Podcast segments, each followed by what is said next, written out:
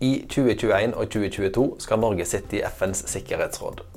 Hvorfor er det viktig for Norge å ha en plass der, og hva har vi oppnådd i de andre periodene vi har hatt plass i Sikkerhetsrådet? Tove Gravdal har bakgrunn fra Aftenposten og Morgenbladet, og hun har òg jobba ved den norske FN-delegasjonen i New York. Hun skulle vært gjest på Global morgen på Sølvberget i november, men pga. koronaen måtte vi snakke med henne på telefon. Intervjuer er Malgorzata Tumidajevic Hauge fra FN-sambandet. Tove Gravdal, du er journalist og forfatter med bakgrunn i Morgenbladet og Aftenposten, og også som presseråd ved Norges delegasjon til FN i Ny. Og i eh, april i år så ga du ut boka 'Til bords med de mektige', historien om Norge og FNs sikkerhetsråd som handler om eh, FN og FNs mektigste organ, og Norges rolle i rådet opp gjennom historien. Du eh, følger også utenrikspolitikken eh, generelt veldig aktivt, og har en spennende Twitter-konto. Og denne uken, ja i går var det vel, så la du ut et sitat som jeg tenkte vi kunne begynne med. Og det er et sitat fra Frankrikes president Emmanuel Macron, som sier at FNs sikkerhetsråd for tiden ikke produserer nyttige løsninger. Hvis vi tar for oss det utsagnet, så er det jo interessant å stille spørsmålet hva er vitsen med at Norge skal bruke ressurser på å sitte to år i FNs sikkerhetsråd, hvis rådet ikke får gjennomført noe? Ja, Macron sender jo en brannfakkel ut eh, ved å si at eh, FNs sikkerhetsråd eh, ikke gjør noe nyttig. Eh, det gjør han sikkert fordi han ønsker en diskusjon om eh, hvorvidt det er sant eller ikke. Og han har jo langt på vei rett, fordi at på mange måter er jo Sikkerhetsrådet nå ganske fastlåst i møte med de store krisene som verden nå står oppe i. Det tok jo mange mange måneder for rådet nå tidligere i år å forhandle frem en resolusjon om eh, pandemien som eh, vi står oppe i. FNs generalsekretær sa jo allerede i mars at han oppfordret alle parter i konflikt rundt i verden om nå å legge ned våpnene og i stedet konsentrere seg om å bekjempe denne felles fienden. Og Sikkerhetsrådet skulle da diskutere en resolusjon til støtte for generalsekretærens oppfordring. Og det tok dem altså tre måneder før de greide å bli enige om en resolusjon. Og Årsaken til det var at Kina og USA sto seigt mot hverandre om resolusjonsteksten. USA ville ha med at, det var, at viruset stammet fra Kina. Kina ville ha med at Verdens helseorganisasjon skulle spille en viktig rolle i bekjempelsen av pandemien. Og da resolusjonen endelig kom, så hadde den jo mistet sin kraft fordi det tok så lang tid å bli enige i rådet. På samme måte ser vi overfor Jemen, Syria, de store og alvorlige krisene i vår tid, at Sikkerhetsrådet er forholdsvis eh, handlingslammet. På den andre siden så kan man si at uh, Sikkerhetsrådet jo er viktig fordi de hele tiden fornyer mandater for fredsbevarende operasjoner rundt omkring i verden. Eh, de eh, har eh, konflikter på sitt bord hele tiden og diskuterer det. Og det er tross alt bedre at de møtes og diskuterer i stedet for bare å sitte i hvert sitt land og slå hverandre i hodet med i ypperste konsekvens trusselen om atomvåpen. Og vi må huske på at Det viktige med Sikkerhetsrådet det er jo at fem atomvåpenmakter sitter med vetorett i Sikkerhetsrådet, og de møtes og diskuterer verdens konflikter. Og det er tross alt bedre at de gjør det, enn at de ikke gjør det. Og at Norge skal være med rundt dette bordet i to eh, år, det er eh, Norges bidrag til å ivareta denne institusjonen, som er tross alt det eneste vi har. Som eh, for å bidra til å Eller det er ikke det eneste vi har, men det er det beste vi har til å bidra til å, å, sikre fred og sikkerhet i verden. Ja, Så rådet er altså ikke perfekt, men det er det vi har. Og da er spørsmålet for Norge som et lite land, eh, så er det jo ikke noe enkel oppgave å komme inn her og eh, gjøre en forskjell, som de sier. Men vi har jo sittet der tidligere, fire ganger, som du beskriver i boken. Og hva kan vi si at vi oppnådde i de periodene? Lærte vi noe? Ja, er, Jeg syns det er mye å lære av de fire tidligere periodene Norge har sittet i rådet. Og Vi kan jo godt um, kort gå litt gjennom det. fordi uh, alle, har, alle, disse fire periodene liksom, kan på ulike måter illustrere hvordan det er å sitte i uh, FNs sikkerhetsråd for et lite land som Norge. Eh, da Norge kom inn første gangen eh, i 1949 og 1950, så var den kalde krigen var allerede godt i gang. Eh, det var krise i Berlin da Norge kom inn i rådet i 1949. Sovjetunionen og USA var faktisk på randen av en ny væpna konflikt pga. det som senere omtales som Berlin-blokaden. Den løste seg eh, i løpet av 1949, men eh, det var virkelig nære på allerede da. Og, og, disse konfrontasjonene mellom Sovjetunionen og USA skulle jo prege rådet helt fram til den kalde krigens slutt i, eh, rundt 1990. Eh, Norge var også med den gangen på å å autorisere den første væpnede aksjonen som var eh, legitimert av Sikkerhetsrådet, nemlig Koreakrigen. Og vi må huske på at eh, Jeg kaller jo Sikkerhetsrådet verdens mektigste råd. Og til tross for eh, mye handlingslammelse, så mener jeg det er grunn til å gjøre det. Fordi at Sikkerhetsrådet har til sin disposisjon veldig kraftfulle virkemidler.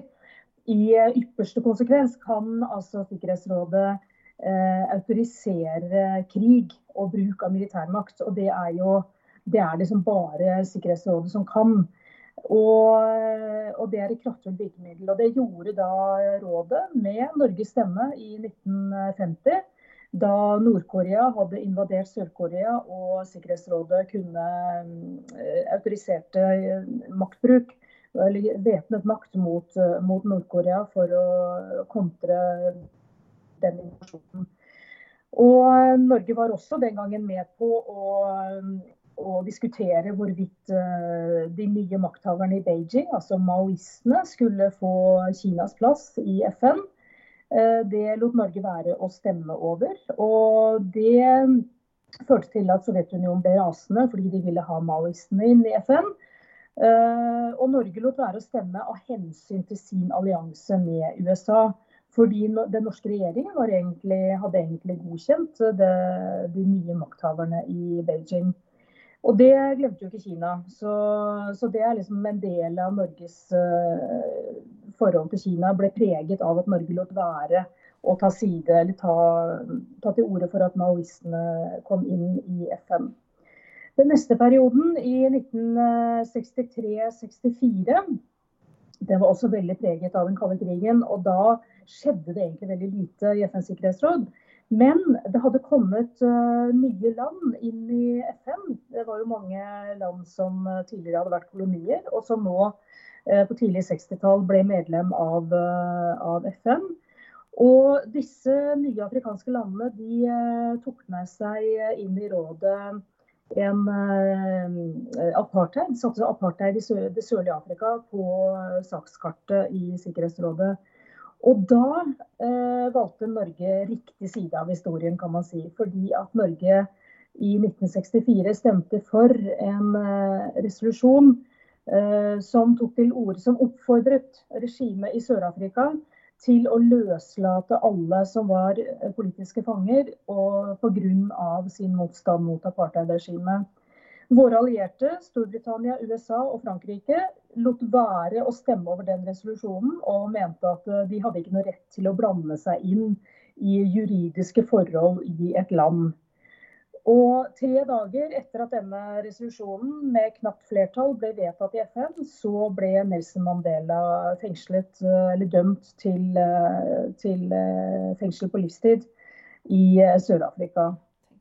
Og det er, det, akkurat det kan Norge være ganske stolt av, etter min oppfatning. Og det er noe, noe som står frem fra den perioden i 1963-64. Men i 1979, da Norge kom inn i rådet for tredje gang, da vil jeg si at vi kanskje endte på feil side av historien. Fordi da, på det første møtet Norge deltok på da, i 79, da var det Kambodsja som var tema på dagsordenen. Da hadde det pågått et folkemord i Kambodsja i noen år. Og Vietnam hadde nettopp invadert Kambodsja og gjorde slutt på Pol Pots terrorregime i Kambodsja. Og Grunnen til at uh, Kambodsja da var på rådets dagsorden, det var ikke pga. folkemordet som hadde pågått, men det var pga. Vietnams invasjon. Og Norge, i likhet med USA, eh, sa at ja, ja, det var jo ille med disse myrderiene i Kambodsja, men det var enda verre at Vietnam brøt folkeretten ved å invadere Kambodsja. Og eh, på den måten var Norge med på å velsigne at et, eh, en eksilregjering som var eh, dominert av Pol Pot og, og hans allierte, de, de representerte eh, Kambodsja i FN helt fram til 1994. Og det er vel ikke akkurat noe Norge kan være stolt av. Og så kom jo den kalde krigen slutt. Eh, da skjedde det mye, og Norge kom tilbake igjen eh, i eh, rådet i 2001-2002. Og det var altså sist gang Norge satt i rådet, og jeg satt, var presseråd i den norske FN-delegasjonen da i det siste halvåret Norge satt i rådet. Og De to årene var dominert av to ting. Det ene var 11.9, og det andre var eh, en heftig diskusjon om uh, muligheten for en resolusjon som legitimerte en ny krig mot uh, Irak i, i 2002-2003. En veldig dramatisk periode som vi godt kan snakke masse om. Men uh, det er i hvert fall kort hva litt om historikken eh, for Norge i Sikkerhetsrådet. Ja, og Hvis du skal oppsummere litt hva vi lærte i disse fire periodene, hva, som vi skal ta med oss inn i den perioden som begynner nå i januar, hva kan det være? Eh, det er to viktige ting. Det ene er eh, at eh, man kan aldri vite hva som kommer på Sikkerhetsrådets dagsorden. Og man kan ikke på forhånd forutse hva som kommer til å dominere Sikkerhetsrådets dagsorden. Det var jo ingen høsten 2000, høsten 2000 da Norge ble valgt inn sist gang, som kunne forutse 11.9. Og da det skjedde, så snudde det jo helt om på Sikkerhetsrådets dagsorden. Og alt som hadde med bekjempelse av terror å gjøre, ble helt dominerende på rådets dagsorden. Og det var heller ingen som kunne forutse at uh, amerikanerne skulle bli så opptatt av å gå til krig mot Irak at det fullstendig dominerte diskusjonene diskusjonen i rådet, særlig det siste halvåret Norge satt i, i Sikkerhetsrådet. Og Det andre Norge kan lære av sine tidligere perioder, det er at uh, hensynet til vår egen sikkerhet, altså Nato-medlemskapet og, og, vår allianse med USA, også er helt avgjørende for hvordan Norge opptrer i uh, FNs sikkerhetsråd. Uh, vi så det særlig under den kalde krigen, hvor Norge valgte å gå sammen med USA i mange tilfeller. Eh, I de fleste tilfeller, vil jeg si. Altså med, med kampen mot apartheid i Sør-Afrika som et hederlig unntak i 1964. Eh, men i de aller fleste tilfellene så har Norge valgt å stemme sammen med USA. Fordi at vi kan ikke risikere å provosere amerikanerne og dermed sette vår uh, sikkerhet på spill. Men, eh, og Det var derfor Irak-diskusjonen i 2002 var så fryktelig vanskelig for Norge også. Fordi at ville, man eh, visste at det var en risiko å si at nei, vi kan ikke være med på å autorisere en krig i Irak. Fordi det kunne få konsekvenser for USAs vilje til å stille opp for Norge dersom Norges uh, sikkerhet ble truet.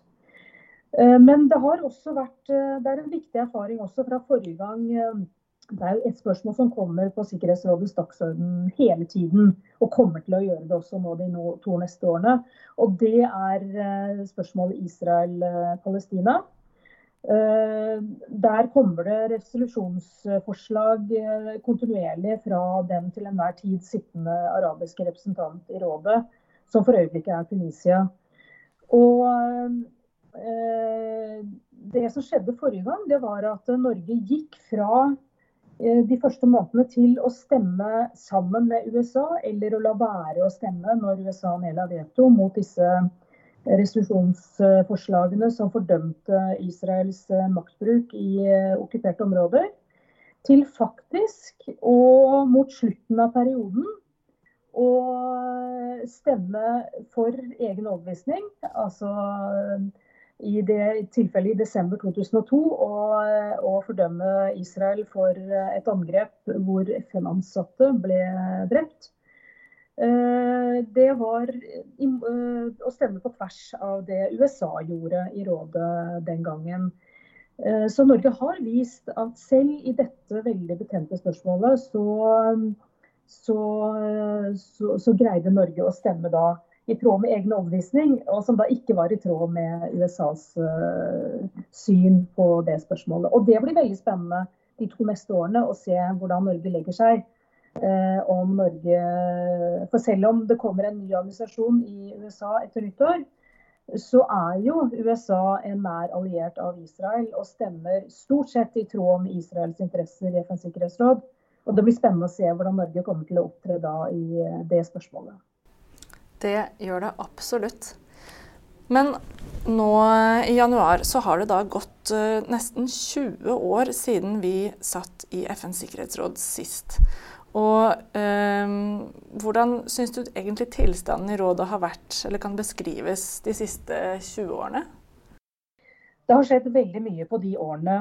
Eh, til tross for eh, konfrontasjonene om eh, Irak-krigen i 2002-2003, som jo endte opp med at USA brøt folkeretten og gikk inn i Irak med væpna makt i 2003, Eh, sammen med med støtte fra Storbritannia.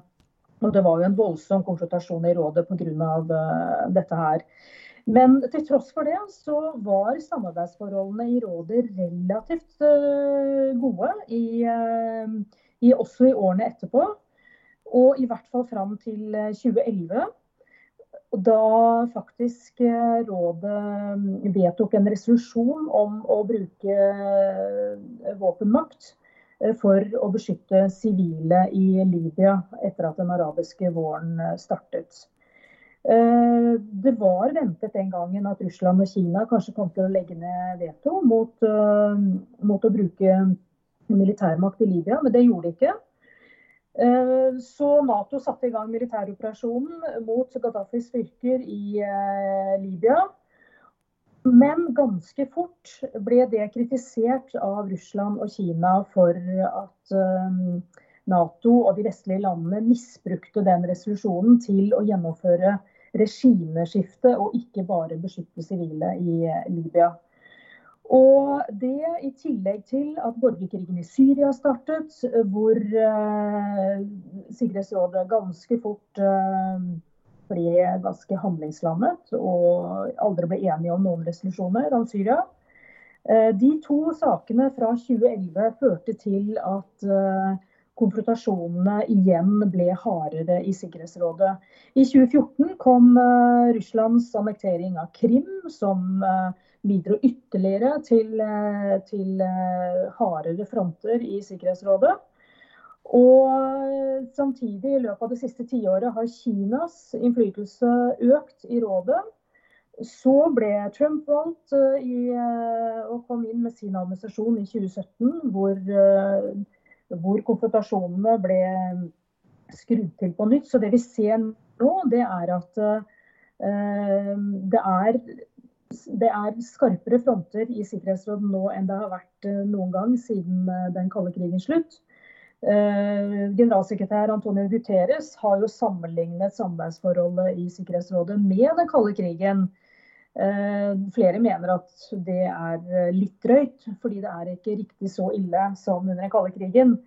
Men det sier noe om tilstanden i rådet, og det er helt klart at eh, det er riktig at på flere punkter, særlig Syria og Jemen f.eks., så, så har eh, Sikkerhetsrådets medlemmer problemer med å samarbeide nå. Ja, det er, det er, det ingen tvil om. Og det, det, er spennende å se disse tingene når vi nå skal inn der selv. Um, Macron i det intervjuet som vi snakket om innledningsvis, han snakker om en multipolar verden. Og, og vi har også sett nå eh, i løpet av høsten eh, USAs ja, kall det alenegang i spørsmålet om eh, Iran f.eks. Og dette med våpenembargoen som eh, gikk ut i oktober, og som USA var veldig imot at skulle få, få gå ut. Det, det, blir jo litt spennende å se hvordan Uh, hvordan, det, hvordan, stormaktene forholder seg uh, nå til våren, og hvordan, uh, hvordan, alliansene blir, og hvor Norge plasserer seg. Ja, men Signalene fra, fra, den, fra den politiske ledelsen som skal overta i USA etter nyttår, er jo for Norges del veldig positive. Joe Biden og hans visepresident Kamala Harris de er begge sterke tilhengere av internasjonalt samarbeid. Og kommer til å bringe USA kraftfullt tilbake igjen, bl.a. i FN-samarbeidet. Og det vil jo gjøre en veldig, veldig stor forskjell for Norge å ha en alliert som i hvert fall eh, deler Norges syn på, på at man skal forsvare menneskerettigheter og demokrati og, og disse grunnleggende verdiene da, som FN tross alt er eh, bygget på. Og, eh, men det som kommer til å vedvare, det er jo at konfrontasjonene med Russland og Kina de kommer til å fortsette også under en Biden-administrasjon. Og både Russland og Kina har jo vetorett. Men uh, det er jo håpet at uh, man kan få gjenopprettet denne det man kan si er en allianse av de demokratiske landene i Sikkerhetsrådet. Uh, for det vi har sett det siste året særlig, og som du nevnte i spørsmålet om atomavtalen med Iran, så har jo USA isolert seg selv fullstendig i FNs sikkerhetsråd. Og gått i klinsj med Storbritannia og Frankrike og det har vært noen veldig kraftfulle utfall fra Frankrike og Storbritannia mot USA de siste månedene. Som nesten er Ja, vi må nesten tilbake igjen til Suez-krisen i 1956 for å se en tilsvarende eh, konfrontasjon mellom disse to europeiske vetomaktene og, og USA. Men når dette nå er situasjonen, hva skal vi stille spørsmålet hva Norge kan oppnå? For dette er det mange som lurer på. Ja, og det er jo veldig, veldig vanskelig selvfølgelig å se inn i småkulen. Hvis vi ser på hva Norge har tenkt å hvert fall ta med seg inn i rådet, da, så har de jo fire prioriterte områder. Og det er eh, fredsdiplomati. Det andre er å legge mye vekt på å inkludere kvinner i arbeidet for fred og sikkerhet rundt omkring i verden. Det tredje er å legge veldig stor vekt på beskyttelse av sivile i konflikt. Og det fjerde er eh, å få inn på Sikkerhetsrådets dagsorden eh, dette at klimaendringer er årsak til eh, mer utrygghet og usikkerhet i verden. Og når det gjelder disse fire fire punktene, så altså dette med å inkludere kvinner og beskytte sivile, det, det, er det jo flere som har tatt med inn i rådet. Det er Sverige, da de satt i rådet fra 2017 til 2018, eh, var jo veldig flinke til å få med kvinner på, eh, i alle diskusjoner, egentlig. Få inn i mandater for fredsbevarende operasjoner, hensynet til eh, kvinners eh, posisjon osv. Og det å beskytte sivile har jo lenge vært et tema i, eh, på Sikkerhetsrådets dagsorden. Men når det gjelder fredsdiplomati, der har jo selvfølgelig Norge spesielle forutsetninger for å kunne bidra positivt inn i rådet. Fordi Norge har drevet med fredsdiplomati nå gjennom flere tiår. Og, en, eh, og er anerkjent internasjonalt som eh, megler i konflikter.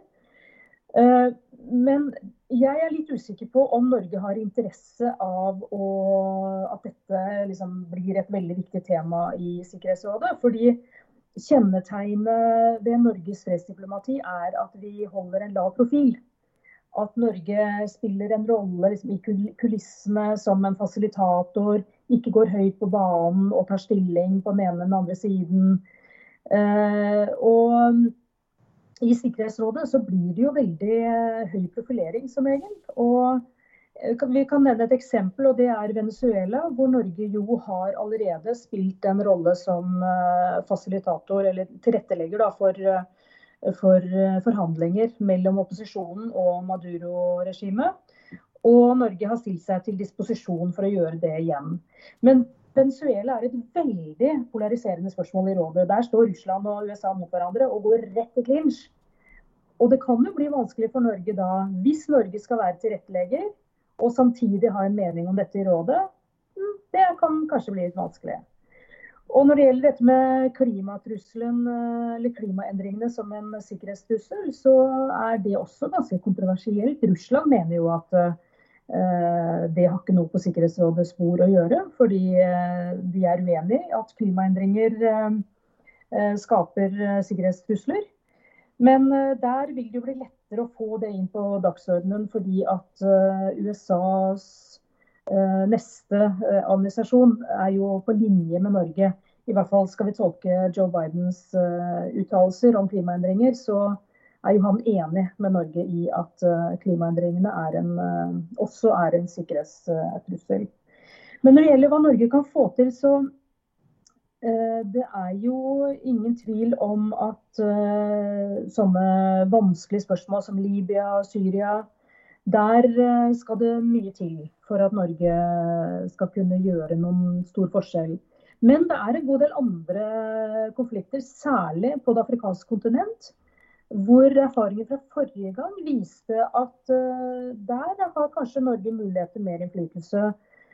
Norge var veldig aktive i i spørsmålene om Etiopia-Eritrea, hvor det da var etterdømninger av en grensekonflikt. I spørsmålet om Somalia, for å få det tilbake igjen på Sikkerhetsrådets uh, dagsorden.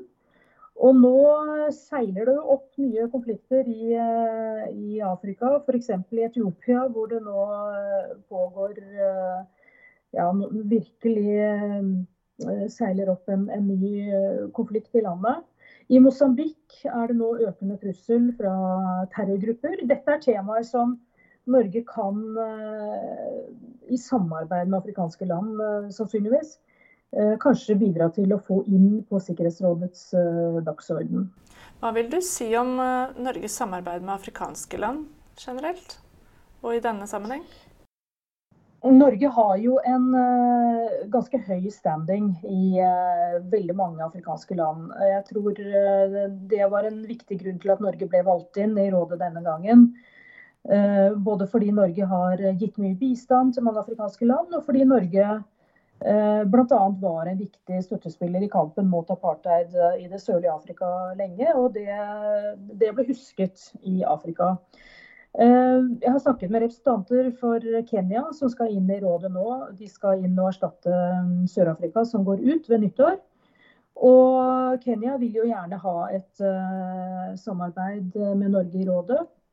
Uh, Tunisia, som også sitter i rådet nå for, for, for å representere Afrika, men også den arabiske verden, de de har også sagt at de vil ha samarbeid med Norge, men Tunisia har jo nå de har rukket å skifte FN-ambassadør to ganger allerede i år, når de sitter i FNs sikkerhetsråd.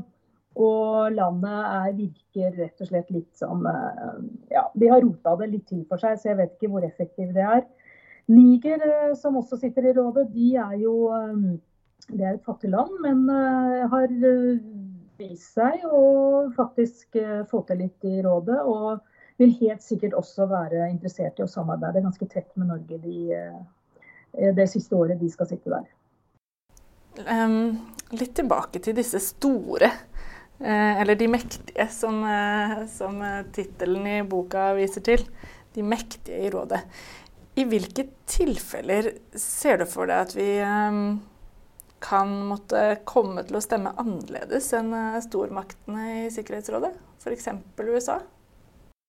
Ja, eh, vi var jo inne på Israel-Palestina-spørsmålet allerede. Det er jo liksom en opplagt kandidat til, eh, til en, en, en, sak hvor Norge kanskje skiller lag med, med USA. Eh, nå denne uken jo kom det en uttalelse fra den norske regjeringen om Eh, hvor Norge kritiserte eh, israelske bosettinger på, eh, i okkuperte områder.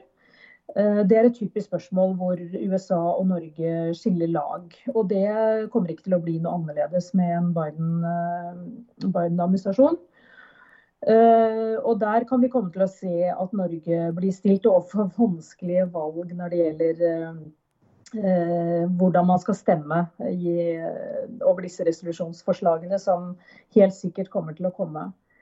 Eh, så er det det er, en, det, det er en interessant utvikling i rådet nå. Det kan komme tilfeller hvor Russland og Kina kommer med forslag og utspill som kanskje i noen tilfeller kan være helt OK å støtte, men som Norge vil ha problemer med å støtte fordi eh, man da kan risikere å skape liksom, splid i den vestlige leiren i, eh, i rådet. Og, og, det er helt opplagt nå at både Kina og, og Russland ønsker å spille liksom en mer aktiv rolle i rådet. Vi så det i forrige måned, i oktober, at uh, Russland la frem et forslag om endring uh, Eller liksom de skulle fornye uh, den berømte resolusjonen fra år 2000 om kvinner, fred og sikkerhet. Som på en måte er et sånn referansepunkt for kvinners rolle i, eh, i eh, fredsprosesser, i, eh, i, å avslutte kriger. Og, og, Russland la frem et forslag som liksom skulle fornye denne resolusjonen. Da. Den fikk bare tre stemmer. Russland, Kina og Sør-Afrika, faktisk. Mens de andre stemte mot den fordi fordi de mente at det ville være en svekkelse av kvinners rettigheter i, eh, i konfliktsituasjoner. Og, mm, og, i så dette tilfellet var det jo for så vidt ville det vært enkelt da, for Norge å stemme med de andre. Men det kan komme tilfeller hvor uh, Norge faktisk kan, kan kanskje være enig, og ikke minst ønske å komme Russland og Kina i møte ved å gi dem rett i, eh, på noen punkter, da. Så det, det kan definitivt oppstå vanskelige, vanskelige situasjoner. Men eh, utenriksministeren eh, vår i Norge har jo sagt at vanskelige situasjoner de oppstår i politikken hver dag. Så det er ikke bare i rådet at sånt skjer?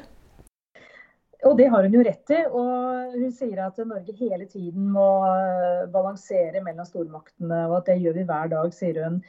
Eh, jeg vil påstå at eh, det blir nok tøffere å skulle gjøre det i Sikkerhetsrådet enn det er som til hverdags. Fordi det blir så synlig i rådet. Og ikke minst fordi at eh,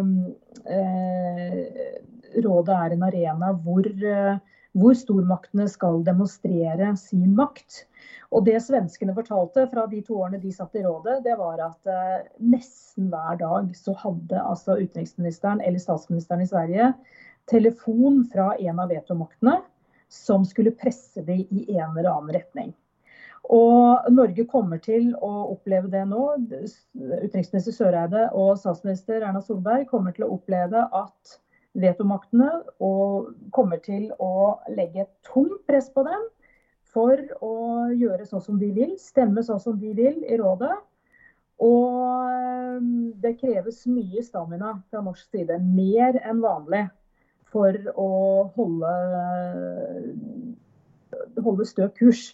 Og, og, greie å finne Norges vei. Og ikke gi etter for det presset som helt klart kommer til å komme, både fra USA og Kina og Russland, og også fra Frankrike og Storbritannia. Storbritannia er jo litt sånn, de er litt svekket av uh, brexit-forhandlinger og mye annet uh, tull for tiden. Men Frankrike er jo en veldig sterk aktør og bruker Sikkerhetsrådet til å utøve innflytelse over andre land. Så også fra fransk side kan vi regne med at Norge kommer til å bli satt under et visst press. I boken din så skriver du at eh, Stein Tønneson, som eh, da var direktør for Prio etter eh, den siste perioden vår i Sikkerhetsrådet, han sa noe om hvilke forventninger vi hadde hatt til perioden. og Han sa de var for store, og at det var vanskelig å måle suksess. Og at mediestrategien vår var dårlig. Hva, hvilke forutsetninger har vi denne gangen? Uh, altså Når det gjelder mediehåndteringen, så er jo forutsetningene totalt annerledes nå enn de var for 20 år siden. Fordi uh, den gangen uh, var UD rett og slett veldig uprofesjonelle når det gjaldt mediehåndtering. De hadde én mann, han, det var alltid en mann, som satt i Oslo og hadde eneansvar for mediehåndteringen. Og det var det også under uh, sikkerhetsrådsperioden. Og i New York var det først høsten uh, 2001 én presseansvarlig, og så var det meg høsten 2002. Og vi var rekruttert utenifra. Vi var ikke engang del av UD-systemet i utgangspunktet. Og det jeg opplevde, var jo høsten 2002 å få telefoner fra CNN og BBC og store internasjonale medieorganisasjoner uten noen særlige instruksjoner om hvordan eh, det skulle håndteres. Og jeg konkluderte etter det, det halvåret med at her var det mange tapte muligheter. Fordi Norge stort sett bare avviste de henvendelsene fra internasjonale medier i stedet for å bruke muligheten og plattformen til å snakke med de store mediene og, og, fremheve hvor viktig det er for Norge med respekt for menneskerettigheter, for folkeretten og osv. Eh, nå er det helt annerledes. Nå har jo UD et apparat med nesten i overkant mange kommunikasjonsmedarbeidere, og de er strømlinjeformet på en helt annen måte. Eh, og og kommer nok til å håndtere mediene på en mye, mye bedre måte. Men når det er sagt, så er jo de politiske utfordringene jo større nå eh, enn de var eh, den gangen, kanskje. Og, og det, noe, det jo, hjelper jo ikke å ha ti kommunikasjonsmedarbeidere hvis eh, det er vanskelige valg og avveininger som Norge må, må gjøre. Ja, Og vanskelige så, oppgaver. Du snakker jo også om disse sanksjonskomiteene i boken din. Og at Tyskland nå leder to av de tyngste eh, og vanskeligste komiteene. Den om Libya og den om Nord-Korea. Og så sier du at det, det, kan jo være at Norge skal overta noen av disse. Det blir ingen enkel jobb. Det blir veldig krevende. Og det er eh, Jeg vil bli overrasket om ikke Norge får ansvaret for begge disse to komiteene. Eh, fordi Norge er et rikt land og har ressurser og kan, eh, kan videreføre det arbeidet Tyskland har gjort. Eh, men det, vi ledet jo sanksjonskomiteen for Irak i 2001-2002. Det var forferdelig arbeidskrevende. Og det var absolutt ingen politisk gevinst å hente på å lede den komiteen den gangen. Uh, og der, uh, det vil være det samme nå. Veldig utakknemlig og veldig mye jobb for kanskje å greie å oppnå uh, noen fremskritt. F.eks. i Libya, ved at Norge kan bidra til en ja, Ved å få ut noen fastfrosne fond, oljefond, som Libya har plassert i utlandet, og som denne sanksjonskomiteen da visstnok har et ansvar for. Men eh, det blir, eh, det blir veldig krevende. Det blir veldig spennende å se hva som venter Norge når vi da inntar plassen ved bordet i januar.